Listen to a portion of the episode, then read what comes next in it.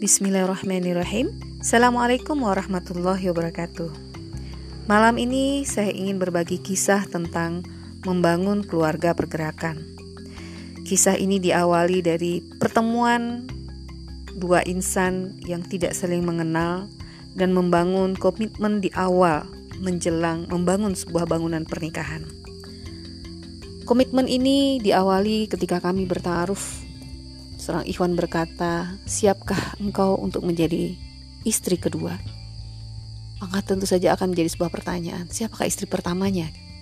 Dan ketika pertanyaan ini diutarakan, ternyata beliau menyatakan bahwa istri pertamanya adalah dakwah. Artinya, apabila ada panggilan dari dakwah atau istri pertamanya tersebut, maka siap-siap istri kedua mungkin akan ditinggalkan. Ya, artinya saya akan menjadi prioritas kedua setelah dakwah baginya. Kemudian yang kedua, ia pun menyiapkan saya untuk menjadi perempuan kedua dalam hidupnya. Artinya apa lagi ini? Ya, dia akan menjadikan saya orang kedua setelah perempuan pertama, yaitu ibunya. Maka pada saat itu saya mengerti bahwa laki-laki yang ada di hadapan saya adalah orang yang sungguh-sungguh dalam memahami dan mengamalkan keislamannya maka tentu saja komitmen ini menjadi sebuah pengikat yang sangat kokoh dan kami pun memutuskan untuk menikah. Sebelum anak-anak lahir, kami sudah mulai membangun visi keluarga ini. Akan ke mana ketika kita sudah menyatakan ikat janji, ikrar, sumpah setia untuk sehidup semati, kita mau ke mana dalam kehidupan kita? Maka tentu saja kami berkomitmen untuk membangun keluarga dakwah bergerak bersama-sama memperbaiki kondisi umat ini. Inilah perdagangan kami dengan Rabbul Izzati yang tidak akan rugi, insya Allah. Maka ketika anak-anak mulai lahir, kami mulai memperkenalkan Allah, Rasul, dan Islam sedini mungkin. Dengan dialog-dialog tauhid dan keimanan yang dimulai bahkan semenjak sebelum anak-anak lahir, ketika mereka masih di alam rahim. Dan itu membuat kami meyakini bahwa ketika fitrah anak-anak tetap dijaga untuk tetap bisa mentauhidkan Allah dan untuk tetap bisa menjaga keimanannya, maka tugas terbesar kami adalah bagaimana fitrah itu tetap terjaga dengan baik hingga mereka dewasa. Maka ketika mereka mulai memasuki usia sekolah, awalnya kami pun menyekolahkan anak-anak di sekolah Islam. Berharap di sekolah itu mereka mendapatkan pendidikan terbaik dari guru-guru terbaik tentang ilmu yang terbaik yaitu Islam.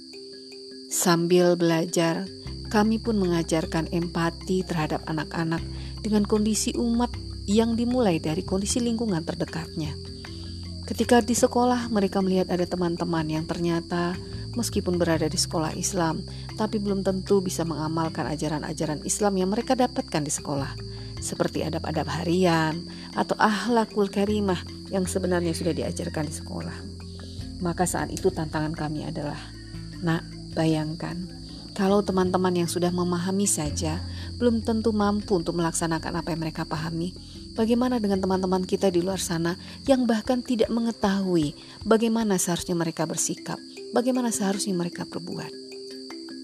Maka, kadarullah, kami pun bertemu dengan lingkungan keluarga, lingkungan tempat tinggal yang justru jauh dari nilai-nilai Islam. Tempat tinggal kami bahkan berada di lingkungan pasar yang terkenal dengan premanismenya, anak-anak yang terkenal dengan carut marutnya, keluarga yang rusak, broken, dan bahkan lingkungan yang sangat rusak. Maka kami jadikan ini tantangan bagi keluarga kami. Mampukah kami bertahan dalam kondisi lingkungan ini? Dan bahkan mampukah kami mengambil peran untuk memperbaiki kondisi ini? Maka eksperimen pun dimulai. Ketika anak-anak mulai beranjak besar, mulai beranjak remaja, mereka pun mulai dilibatkan dalam organisasi-organisasi dakwah, organisasi pelajar Islam. Di sanalah mereka mengenal Islam lebih banyak. Di sambil mereka pun tetap memahami keislaman itu dari pondok-pondok pesantren, dari taklim-taklim keilmuan, bahkan dalam taklim dalam rumah kami.